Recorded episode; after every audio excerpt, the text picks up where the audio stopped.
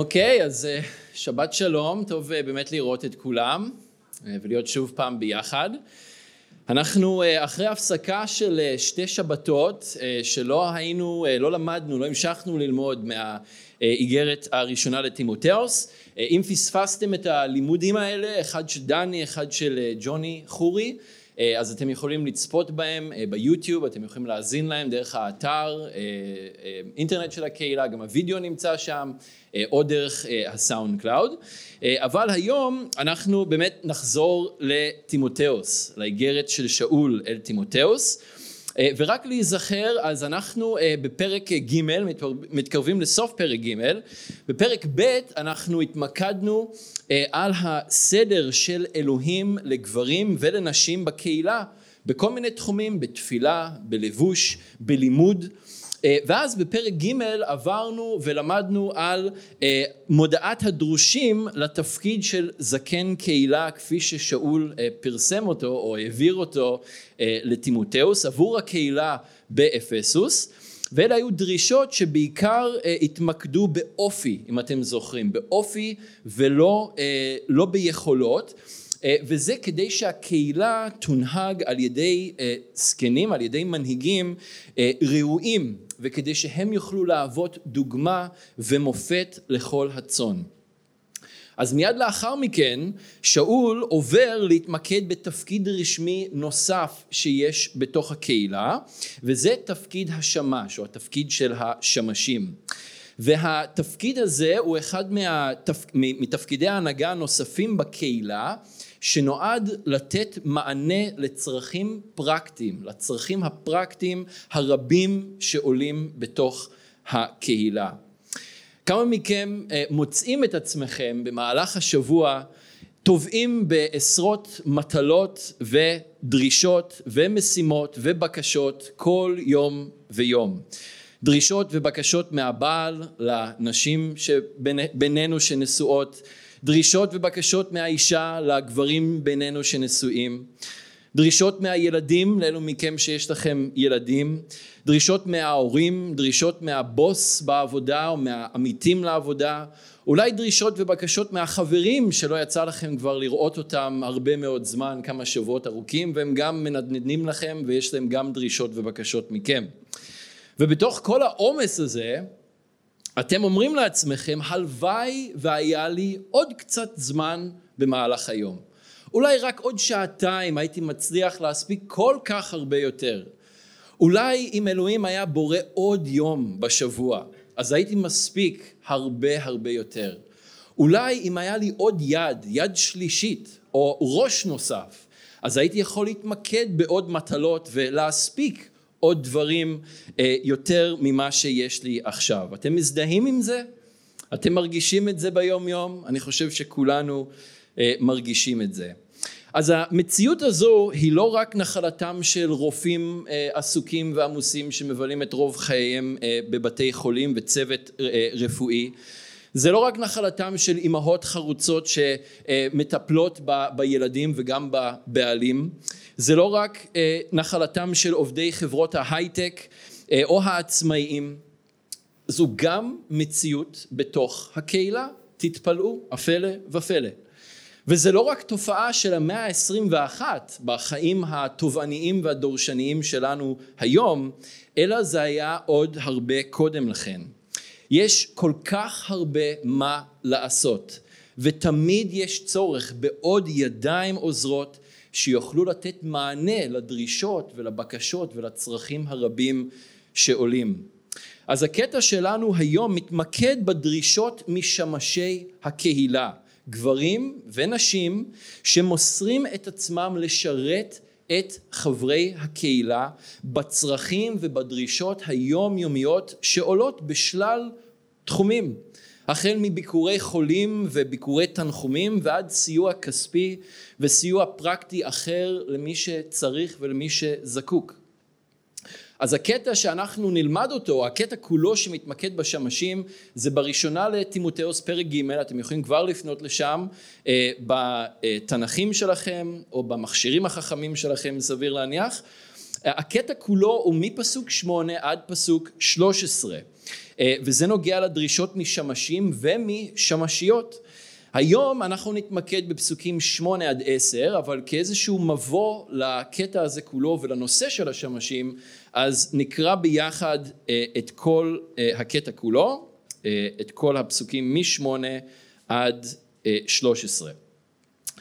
כן גם השמשים צריכים להיות אנשים רציניים, לא הפכפכנים בדיבורם, לא מתמכרים ליין ולא רודפי בצע, אלא אנשים המחזיקים את סוד האמונה במצפון טהור. הללו ייבחנו תחילה, אחרי שימצא שאין בהם דופי, ישרתו כשמשים. כמו כן הנשים עליהן להיות רציניות, נמנעות מלשון הרע, מפוקחות, נאמנות בכל דבר. השמש יהיה בעל אישה אחת, אדם שמנהיג היטב את בניו ואת ביתו. המיטיב, המיטיבים לשרת משיגים לעצמם מעמד טוב וביטחון רב באמונה, אה, במשיח, באמונה במשיח ישוע. אז זה הקטע שלנו, בואו נתפלל, נבקש מהאדון שיאיר את עיני ליבנו אה, ואז אנחנו אה, ניכנס לתוך זה. אז אדון אנחנו מודים לך על קהילה, אדון אנחנו מודים לך על הסדר שאתה הכנסת אל תוך הקהילה, אנחנו מודים לך שאתה אלוהים של סדר, אנחנו מודים לך אדון שאתה הקמת אה, אנשים ותפקידים בתוך הקהילה כדי לתת מענה לצרכים של כולנו אדון, כי אתה אבא טוב ואתה אוהב אותנו אדון ואתה לא השארת אותנו יתומים, אתה לא השארת אותנו להילחם בעצמנו. אתה נתת לנו את רוח קודשך ואדון אתה נתת לנו גם אחד את השני ואת הקהילה ואת התפקידים בקהילה אה, אדון כדי להכשיר אותנו וכדי לענות על הצרכים ועל הבקשות אה, שיש בינינו. אדון אנחנו רוצים לאפשר עכשיו לדברך לדבר אלינו, אנחנו רוצים אה, אדון לפתוח את הלב שלנו, לפתוח את האוזניים שלנו, אנחנו רוצים אדון להוריד ותעזור לנו אבא, להוריד חומות, להוריד כל דבר שאולי יכול למנוע מאיתנו לקבל את הדבר הטוב שאתה רוצה לדבר אל כל אחד ואחת מאיתנו היום. אדון תעשה את פעולתך בקרבנו, תעודד אותנו, אדון תאתגר אותנו, תשנה אותנו, תוביל אותנו אה, הלאה במסע הניצחון שיש לנו בך. אז אדון תבוא ותהיה איתנו בזמן הזה, אנחנו נותנים את זה לך בשם ישוע המשיח. אמן. אז אה, דבר ראשון נשים לב בפסוק שמונה ששאול עובר מההתייחסות שלו לזקני הקהילה, למנהיגי הקהילה, והוא מיד מתחיל עם המילים כמו כן. ממש כמו זקני הקהילה, עם זקני הקהילה, יש גם דרישות מהשמשים לתכונות אופי ולעומק רוחני שישמור גם עליהם וגם על הקהילה ויאפשר לשמשים למלא בהצלחה את תפקידם לכבודו של אלוהים. כמו עם זקני הקהילה, השמשים הם בעלי תפקיד רשמי והם מייצגים את הקהילה הן מבפנים והן כלפי חוץ. כששאול כתב לקהילה באפסוס בפרק א' פסוק אחד אז הוא כתב אל כל הקדושים במשיח ישוע הנמצאים, אה, סליחה בפיליפי לא באפסוס, שנמצאים בפיליפי ומנהיגי הקהילה והשמשים בכלל זה. אז הוא כותב אל כל הקהילה, הוא כותב אל כל הקדושים שבפיליפי, אבל ספציפית הוא מתייחס למנהיגים ולשמשים בקהילה בגלל התפקידים הרשמיים שהם מחזיקים. כמו עם זקני הקהילה, מודעת הדרושים הזו לשמשים לא מציבה את השמשים כקדושים או כטובים יותר מאשר שאר חברי הקהילה. אתם זוכרים שדיברנו על זה גם בהקשר של זקני הקהילה, אבל זה כן מציב רף גבוה למי שרוצה להחזיק ומי שיחזיק בתפקיד רשמי של שמש בקהילה וביחד עם זה זה גם מעודד את שאר חברי הקהילה לשאוף ולשרת את הקהילה באופן זהה, באופן דומה. למעשה השמשים אמורים להוות והתפקיד של השמש מהווה מודל לשירות בתוך הקהילה ואם אני יכול לתת אה, איזושהי כותרת לדרשה הזו היום, אז זה שמשים כמודל לשירות בקהילה, וזה כולל כמה וכמה דברים. ולאותם שמשים שמיטיבים לשרת, כפי שקראנו, יש גם הבטחות מאוד מיוחדות בשבילם. מעמד טוב וביטחון רב. ואנחנו עוד ניגע בזה אה, בהמשך בעוד אה, שבועיים.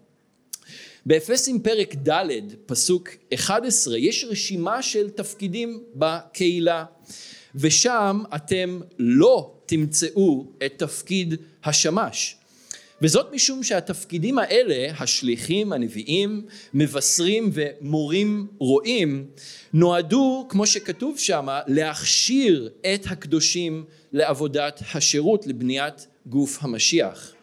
אבל התפקיד של השמש הוא אחר, בגלל זה הוא גם לא מופיע שם, כי הוא נועד אה, לשרת והוא ממוקד בלשרת אה, את, ה, את חברי הקהילה בצרכים הפרקטיים והיומיומיים שעולים ושיש להם.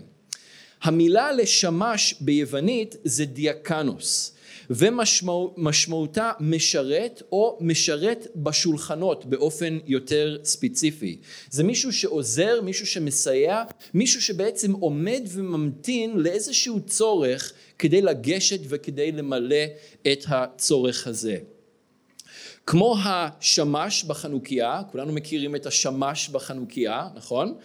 אה, אז השמש בחנוכיה מדליקים אותו קודם ורק אחר כך או בעזרתו יותר נכון מדליקים את שאר הנרות בחנוכיה. ומשרתים את הנרות. השמש בחנוכיה משרת את הנרות האחרים בכך שהוא אה, מדליק את הנרות האחרות בכך שהוא מדליק אותן. וכך גם השמשים משרתים את שאר חברי הקהילה. השמשים גם משרתים את זקני הקהילה ככלולים בתוך חברי הקהילה, זקני הקהילה הם גם חברי קהילה, אה, בעיקר בכך שהם מאפשרים לזקני הקהילה להתמקד במה שהם צריכים להתמקד בו וזה לימוד דבר אלוהים, תפילה והפגעה והכוונה ודאגה רוחנית לצאן.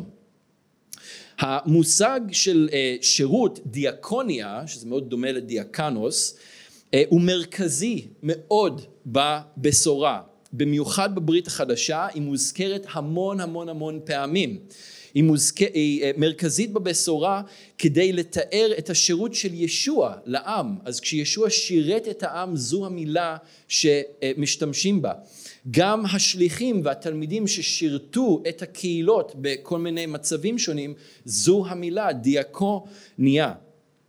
אה, זה מתאר את השירות שלנו לישוע ביוחנן י"ב 29 שאנחנו נשרת את ישוע זה גם אותה מילה וזה גם מה שאנחנו צריכים לעשות לאחרים, לשרת אותם, אותה מילה, אם אנחנו נרצה להיות גדולים במלכות השמיים, כפי שישוע אמר לתלמידים במתי פרק כ"ג פסוק 11, ומיד לאחר מכן הוא גם שוב נותן להם את המודל ואומר להם כשם שבן האדם לא בא כדי שישרתו אותו, כדי שישרתוהו, אלא כדי לשרת וכדי לתת את עצמו את נפשו כופר בעד רבים. אז ניתן לראות את הצורך באנשי שירות פרקטיים שיקלו על המלאכה המרובה כבר בתחילת דרכם של בני ישראל. בשמות פרק י"ח אה, פסוקים 13 עד 24 אתם יכולים לפנות לשם אם אתם רוצים משה פוגש את חותנו יתרו ממש אחרי יציאת מצרים וליתרו היה משהו לומר, היו לו כמה דברים להגיד למשה בקשר לתובענות של העם ממנו. אז נקרא את הפסוקים האלה 13 עד 24 ויהי ממחרת וישב ישב משה לשפוט את העם ויעמוד העם על משה מן הבוקר עד הערב. אתם יכולים לתאר לעצמכם? מן הבוקר עד הערב. וירא חותן משה את כל אשר הוא עושה לעם, ויאמר מה הדבר הזה אשר אתה עושה לעם?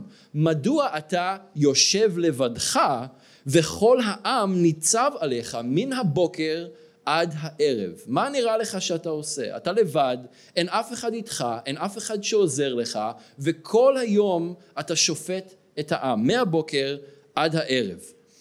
ויאמר משה לחותנו כי יבוא אליי העם לדרוש אלוהים כי יהיה להם דבר בא אליי ושפטתי בין איש ובין רעהו והודעתי את חוקי האלוהים ואת תורתיו. ויאמר חותן משה אליו לא טוב לא טוב הדבר אשר אתה עושה. נבול תיבול גם אתה גם העם הזה אשר עמך. כי כבד ממך הדבר לא תאכל עשהו לבדך לבדיך אתה שמע בקולי אעציך ויהי אלוהים עמך היה אתה לעם מול האלוהים והבאת אתה את הדברים אל האלוהים.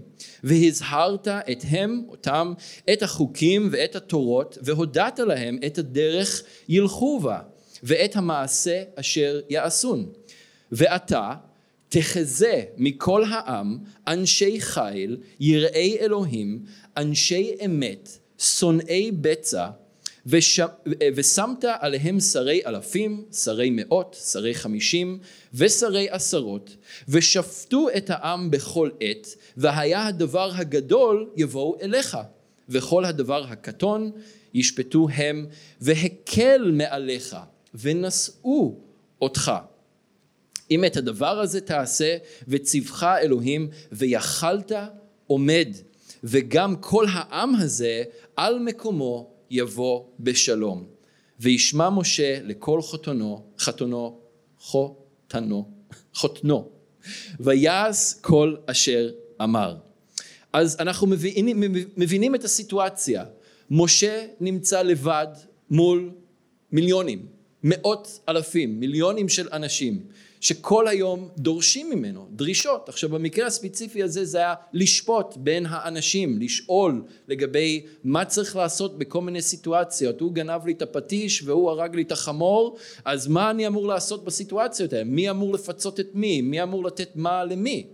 ומשה צריך לתת להם תשובות לכל העניינים האלה שקורים ביניהם, אבל יתרו רואה את זה ואומר, אחי, בני, יותר נכון, אתה לא תחזיק מעמד, המצב הזה הוא לא בר קיימא. אתה לא תוכל לעשות את זה לבד, גם אתה תיבול וגם כל העם ביחד איתך. זה לא משהו שיכול להחזיק מעמד לאורך זמן. אז מה הוא אומר לו לעשות? הוא אומר, תחזה מכל העם. תבחן, תסתכל בכל העם ותמצא אנשים. אנשים שהם מה? אנשים שהם אנשי חיל, אנשים בעלי יכולת ובעלי מוטיבציה גבוהה לשרת, אנשים שהם יראי אלוהים, בעלי אמונה ויראה מאלוהים, אנשי אמת, אנשים שהם דוברי אמת, ואנשים שהם ישרים בדיבורם ובמעשיהם, ואנשים שהם שונאי בצע, אנשים שלא ייקחו כסף, לא ייקחו אה, שוחד ולא ימעלו בכסף כדי להטות משפט לכאן או לכאן. ובכך שהוא ימצא את אותם אנשים וימנה אותם על אלפים, על מאות, על עשרות, על חמישים, אה, אז אותם אנשי חיל יקלו ויישאו את משה, יקלו על התפקיד שלו והם יאפשרו לו לעמוד, הם יאפשרו לו לעשות את התפקיד שלו לאורך זמן ולשים את ליבו אה, למה שבאמת היה צריך להתמקד בו ובכך גם הוא יוכל גם הוא ירוויח מזה וגם כל העם שאיתו ירוויח מזה, כל העם יבוא על מקומו בשלום. אז המצב הזה הוא די דומה למה שקרה גם עם הקהילה הראשונה ב, אה, בימים אחרי שישוע חזר אה, אה, לשמיים, לאביו, במעשה השליחים פרק ו', פסוקים 1 עד 7, וכאן בעצם יש את המינוי הראשון של שמשים בתוך הקהילה.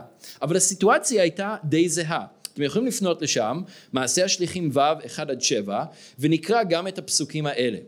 בימים ההם, כשגדל מספר התלמידים, החלו היהודים דוברי היוונית להתלונן על דוברי העברית, על שהזניחו את אלמונותיהם בחלוקת הסעד היומית. קראו שנים עשר השליחים את המון התלמידים ואמרו לא רצוי שאנחנו נעזוב את דבר אלוהים ונשרת בשולחנות, לכן אחים בחרו מביניכם שבעה אנשים בעלי שם טוב, מלאי רוח וחוכמה, ונפקיד אותם על העניין הזה, ואנחנו נתמיד בתפילה ובשירות דבר אלוהים. נתקבל הדבר בעיני כל הקהל ובחרו את סטפנוס איש מלא אמונה ורוח הקודש את פיליפוס את פרוכורוס ואת ניקנור את תימון ואת פרמנס ואת ניקולאוס שהיה גר מאנטיוכיה. העמידו אותם לפני השליחים התפללו וסמכו ידיים עליהם ומה קרה כתוצאה מזה? דבר אלוהים שגשג ומספר התלמידים בירושלים גדל מאוד וגם המון רב מן הכהנים נשמעו לאמונה.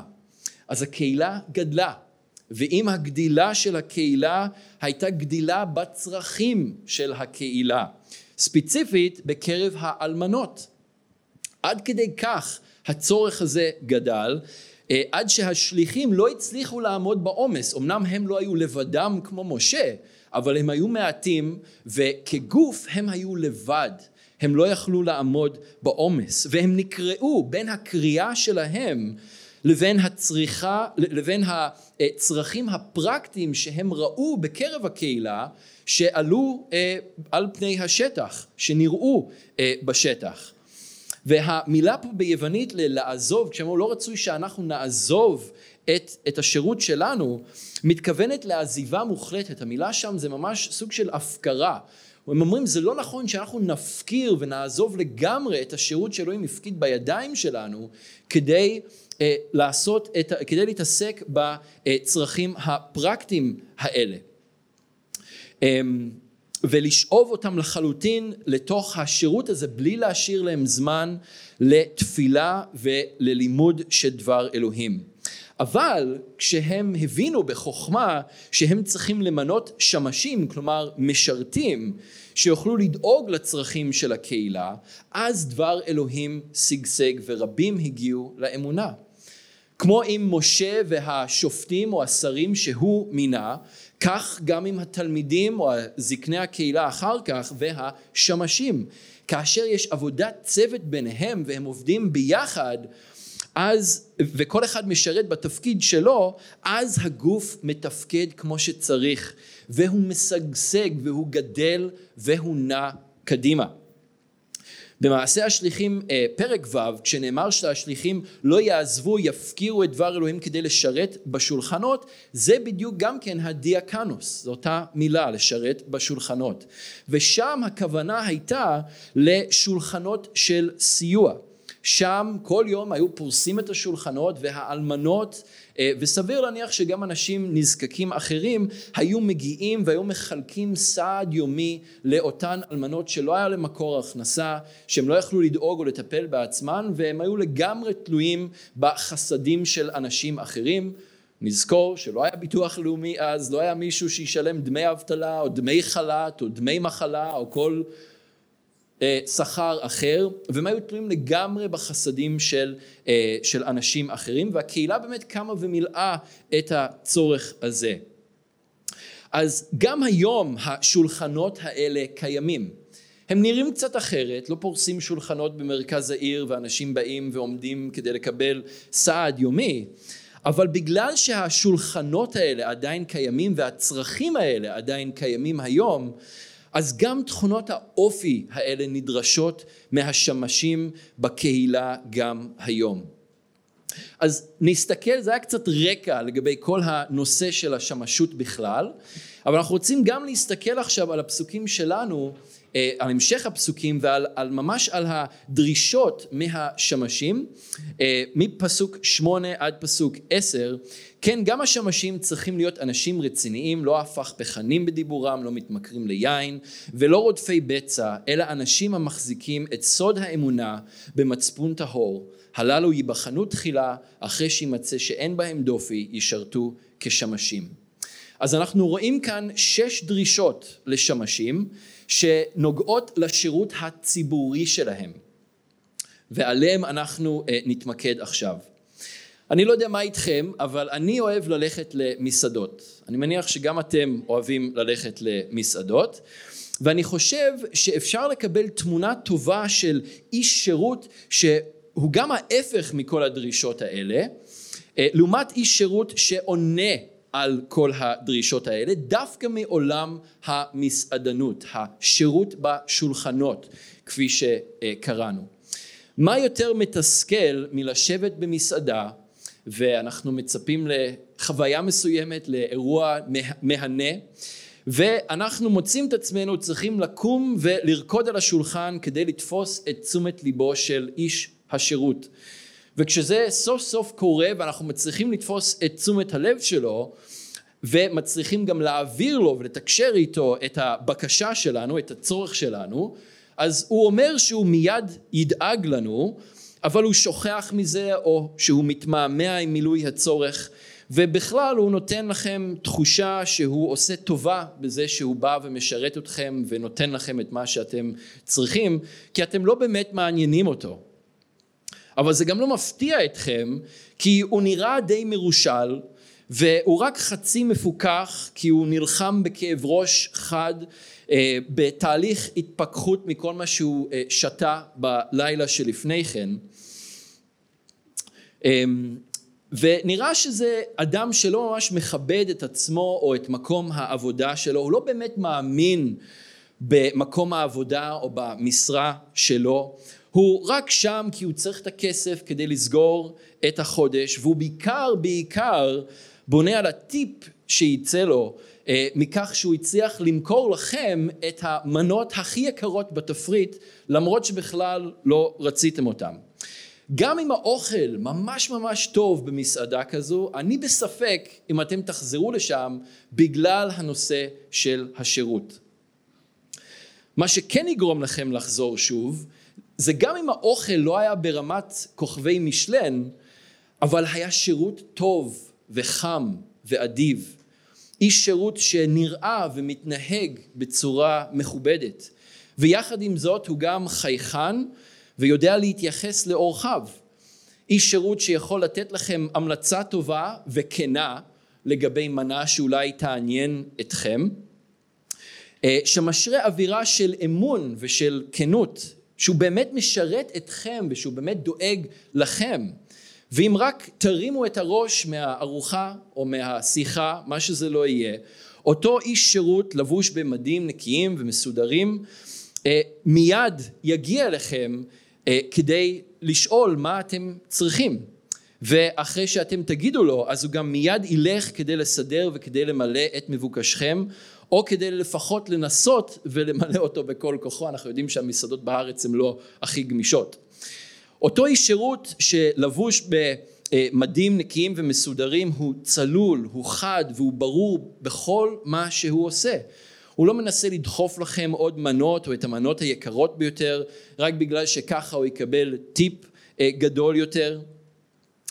אה, והוא אה, אפשר לשמוע ממנו ואפשר לראות עליו שהוא ממש מאמין בחזון ובאתוס של המסעדה ובגלל זה הוא בכלל נמצא שם מלכתחילה, הוא לא סתם מתגלגל למסעדה הזו אחרי שהוא פוטר או עזב את המקום הקודם, למרות שהוא, אה, סליחה, הוא אה, נבחן בקפידה על מנת להעניק את השירות הטוב ביותר וכדי לכבד את המוניטין ואת השם של המסעדה וכדי לתת לאורחים שבאים את החוויה הטובה ביותר.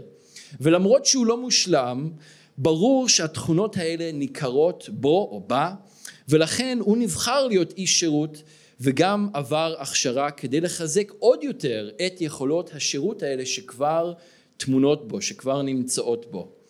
אז נכון, אולי זה נשמע קצת כמו חלום, אולי זה נשמע קצת כמו מסעדת חד הקרן שכולנו רודפים אה, אחריה ועוד לא הגענו למסעדה הזו, אבל אם אנחנו נעשה הקבלה בין עולם המסעדנות לבין הקהילה, אנחנו נראה שהדברים לא מאוד שונים בהקשר של הדרישות מהמשרתים הרשמיים בתוך הקהילה.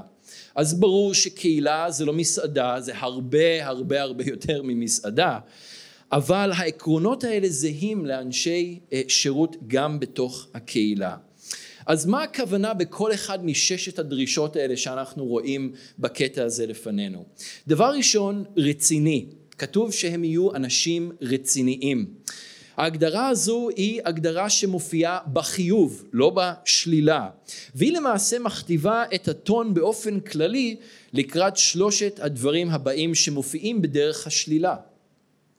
הכוונה במילה רציני, כמו שגם מופיע אצל הנשים, השמשיות בפסוק 11, לא מתכוון לאדם שהוא חתום פנים וקודר, שכל הזמן עסוק במילוי משימות ו, אה, ו, וסיפוק אה, צרכים בלי טיפה של צחוק או של כלילות. עבודת השמש היא עבודה עם אנשים ויחסי אנוש זה דבר חיוני וקריטי. אז מותר שלשמש יהיה חוש הומור ואפילו רצוי שהוא ידע לשחרר בדיחה טובה בתזמון הנכון. הכוונה באדם רציני זה שהוא יהיה אדם מכובד ואדם בעל שם טוב כפי שכתוב במעשה השליחים פרק ו' פסוק שבע כשהם חיפשו את השמשים, אנשים שיוכלו למלא את התפקיד, שיהיו אנשים מכובדים ובעלי שם טוב. זה אדם שלוקח את תפקידו ברצינות, שמחפש כל הזמן איך לעזור, אפילו לפני שהבקשות מגיעות. ואני חושב שאצלנו בקהילה, תודה לאל, אנחנו התברכנו בשמשים שעושים אה, בדיוק את זה. שמשים, אני כולל גם את השמשיות כמובן. יתרו השתמש במושג אנשי חיל בשמות פרק י"ח שלדעתי תואם את המושג רציני. זה לא אותו מושג אבל אני חושב שהכוונה שם היא אותה כוונה. זה אנשים עם מוטיבציה גדולה לשרת שעושים את תפקידם במסירות וברצון רב. כשאתם חושבים על אנשי חיל על גיבורי מלחמה הם לא נמצאים שם כי הכריחו אותם להיות שם. הם שם כי הם עושים את זה במסירות וברצון רב ועם כל uh, הלב. זה אדם שנכנע לסמכות וגם מצד שני יודע להפעיל סמכות בזמן ובאופן הנכונים. השמש הוא לא יכול להיות ליצן שמרבה לענות בציניות ולהפוך כל עניין לצחוק, אבל מצד שני הוא גם יודע לקחת דברים בקלות ולהבחין בין עיקר לטפל, בין אמת לשקר, בין הכרחי יותר להכרחי פחות. השמש צריך להיות אדם רציני, אדם מכובד ובעל שם טוב. כמו כן נכתב גם שלא יהיו הפכפכנים בדיבור, לא הפכפכן בדיבור. המילה ביוונית כאן זה דילוגוס, כלומר אדם שלא אומר דבר אחד ועושה דבר אחר או שאומר שני דברים שונים לשני אנשים. הכוונה זה לאדם שהוא אדם ישר, שלא נוהג בעורמה, שלא מפעיל מניפולציות בכוונה או משקר או מערים על אנשים אחרים, גם לא אדם שיש לו אחד בפה ואחד בלב או שפיו וליבו אינם שווים כמו שהמשפטים אה, אה, המוכרים בעברית אומרים, כלומר אדם צבוע שמצהיר דבר אחד אבל אז הולך ועושה דבר אחר ושלא עומד במילה שלו. השמשים בקהילה צריכים להיות אנשים שהכוונות שלהם טהורות ומה שעומד לנגד עיניהם זה להביא כבוד לאלוהים דרך באמצעות שירות לחברי הקהילה, שירות לקהילה במצוינות. הם האנשים אמינים, אנשי אמת, כפי שיתרו הנחה את משה לחפש בקרב העם, אנשי אמת. אנשים שאפשר לסמוך עליהם, גם זקני הקהילה וגם חברי הקהילה, שהמילה שלהם היא מילה. כששמש אומר לחבר קהילה שהוא יגיע אליו בזמן מסוים או יעזור לו בצורך כלשהו אז שהוא לא יאחר באופן חריג שלא ישכח ממה שהוא אמר באופן מוחלט או שלא ילך לעסוק במשהו אחר חשוב יותר שפתאום צץ לו שהמילה שלו היא מילה שלא יהיה הפכפכן בדיבור הדבר השלישי שהוא נוגע בו כאן זה לא מתמכר ליין. והדרישה הזו אם אתם זוכרים קיימת גם בשביל אה, זקני הקהילה אבל ביוונית היא נכתבה בצורה מודגשת יותר דווקא כאן אצל השמשים. ולמעשה כל אה, יין וכל משקה משקר אחר הוא כלי הרס כשמאבדים עליו שליטה ומתמכרים אליו. כלומר שהוא נוהג בך ולא אתה נוהג בו ואתה לא יודע להשתמש בו במידתיות. וככה זה האמת עם כל דבר בחיים, לא רק עם יין. אמ, כפי שנאמר גם בלימוד לגבי זקני הקהילה, הבעיה היא לא היין או המשקה האלכוהולי, השמש הוא חופשי והוא יכול לשתות יין או כל משקה אה, אלכוהולי אחר כמובן במסגרת דברים אחרים שכתובים בנוגע למשקה וגם מאכל וחברי אה, קהילה או אנשים אחרים שזה לא יהיה מכשול לא יהווה מכשול לאף אדם אחר. אבל הדגש כאן הוא על שתייה מופרזת ועל התמכרות למשקה משקר דבר שמוביל למחשבות ולהתעסקות מתמדת בכוסית הבאה במשלי פרק כ' פסוק אחד כתוב לץ היין הומה שחר וכל שוגה בו לא יחכם. התמכרות התמכרות ליין ושתייה מופרזת של כל משקה אה, אלכוהולי מביאה לליצות כן? להתנהגות לא נאותה והיא מביאה למהומה. זה מה שכתוב במשלי היא מביאה למהומה אין סדר. הדברים לא יכולים להתקיים כמו שצריך יש אה, מהומה. גם במשלי פרק כ"ג פסוקים 20 עד 21 כתוב אל תהי בשובעי יין בזוללי בשר, למו כי שובע וזולל יברש וקרעים תלביש נומה. התמונה שיש כאן של מישהו שהוא בשובעי יין, מישהו שהוא שותה הרבה יין, מישהו שהוא משתכר, מישהו שהוא שותה לעיתים אה, תכופות יותר ויותר מדי, זה אדם שהוא יברש ואדם שלובש קרעים זה בן אדם שאין לו כלום הוא נהיה רש הוא נהיה עני אין לו את מה שהוא צריך הוא לובש בגדים קרועים. עכשיו אם אתם חושבים על תמונה כזו זו לא תמונה של אדם שיכול לשרת אחרים זו תמונה של אדם שצריך שישרתו אותו. זה מישהו שצריך עזרה.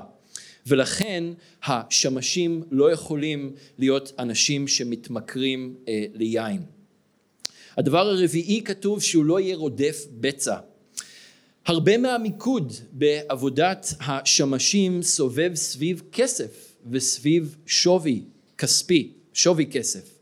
סיוע כספי, העברת כספים, דברים חומריים בעלי שווי כספי, בין אם זה מחשבים, ריהוט, מזון וכל דבר אחר שיש לו איזשהו שווי כספי והפיתוי תמיד קיים כדי אולי לקחת חלק מהדברים האלה גם לתוך הבית שלי, גם לתוך הכיס שלי.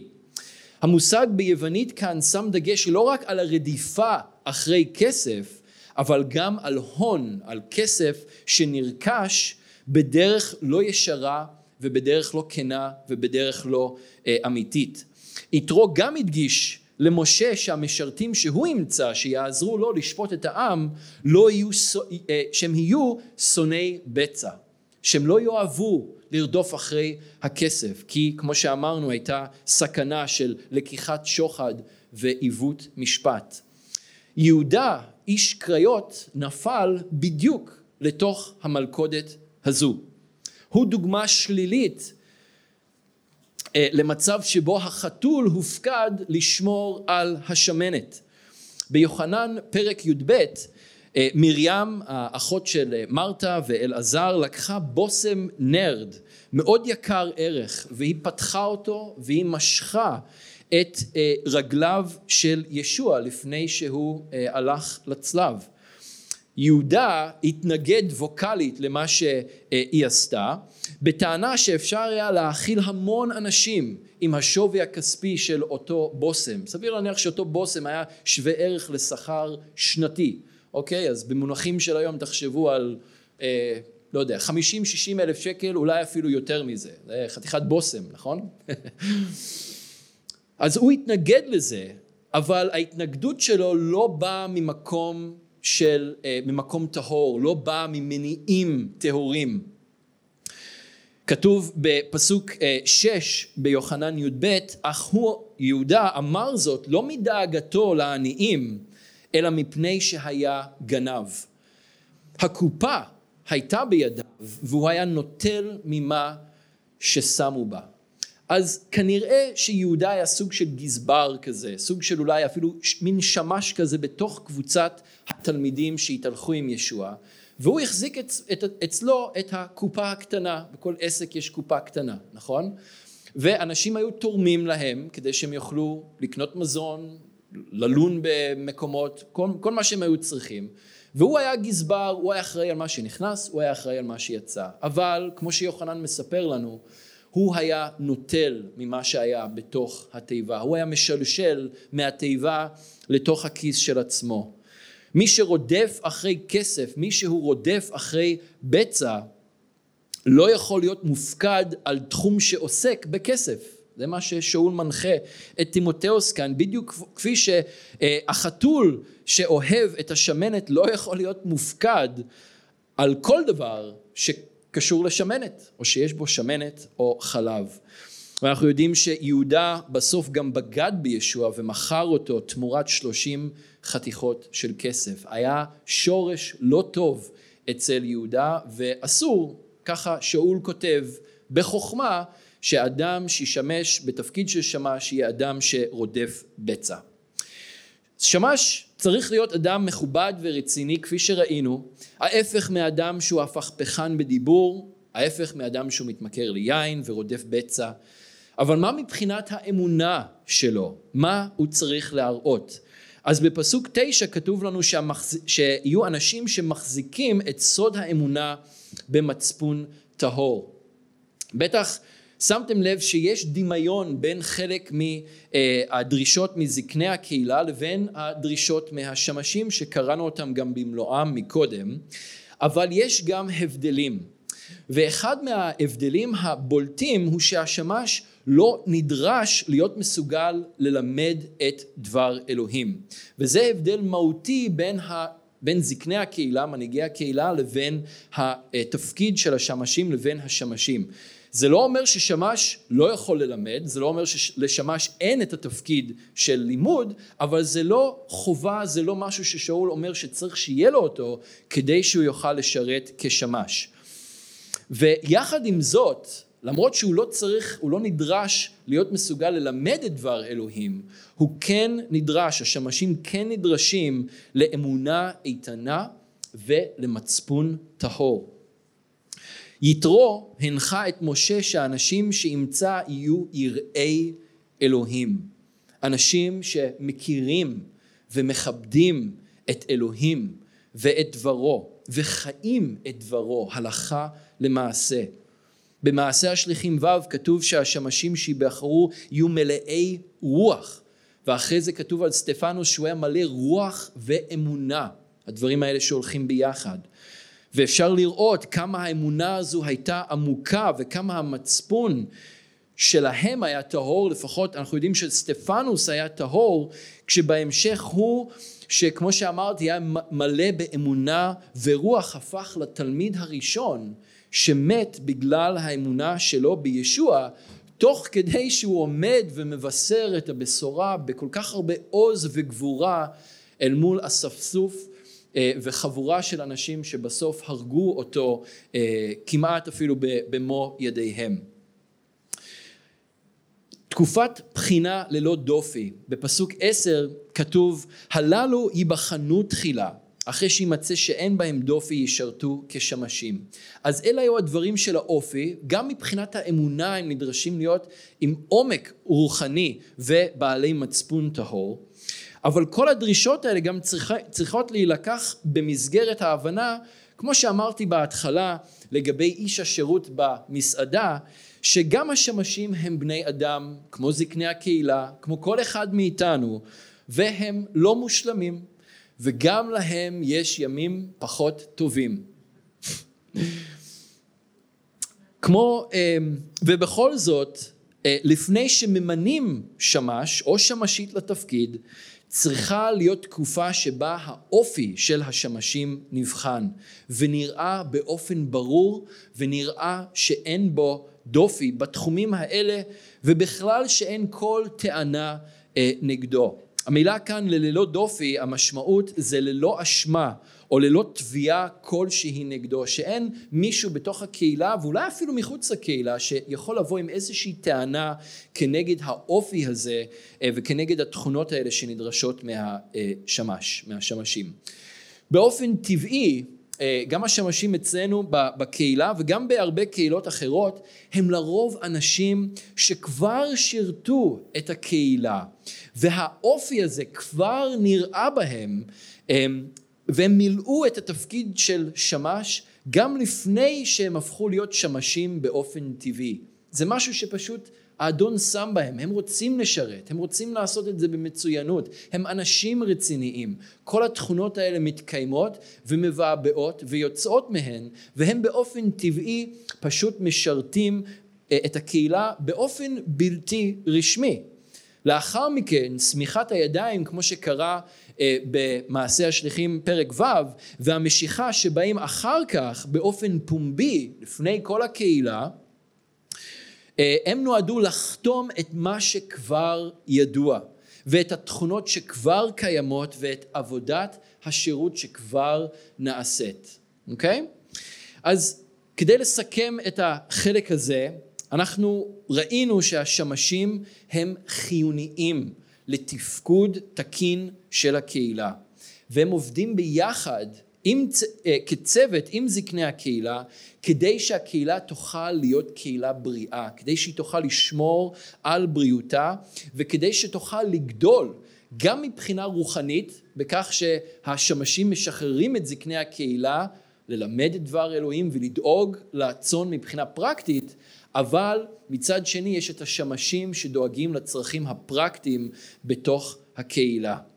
בדומה לזקנים גם לשמשים יש אמות מידה שחייבים, אה, אה, שחייבות להיראות אה, בחייהם באופן ברור ולאורך זמן כדי שיוכלו להתמנות לתפקיד, לתפקיד הזה בקהילה. בלי זה אי אפשר לאפשר לאדם להחזיק בתפקיד רשמי של שמש בקהילה. וכמו שאמרתי, חשוב, אני מזכיר את זה עוד פעם, שנזכור שהדרישות הגבוהות האלה לא נועדו כדי לדכא את הרצון לשרת בקהילה, אלא הם מהווים את המודל לשירות בתוך הקהילה, שאחריו כולנו, כל חברי הקהילה, יכולים להתחקות. ממש כמו אנשי שירות מנוסים יותר במסעדה ששאר אנשי השירות יכולים לקחת מהם דוגמה איך לשרת את הקהל באופן מיטבי וברוח בעל המסעדה. ובמסעדה שלנו כאן זה כמובן אלוהים. זה אתגר לכולנו, אין ספק, לשרת בצורה כזו, זה לא משנה אם אנחנו משרתים את הקהילה בצורה רשמית כשמש או כשמשית, כסדרן, כמורה במועדון הכרם, כעוזרים עם הכיבוד, בסאונד, או משרתים בצוות ההלל.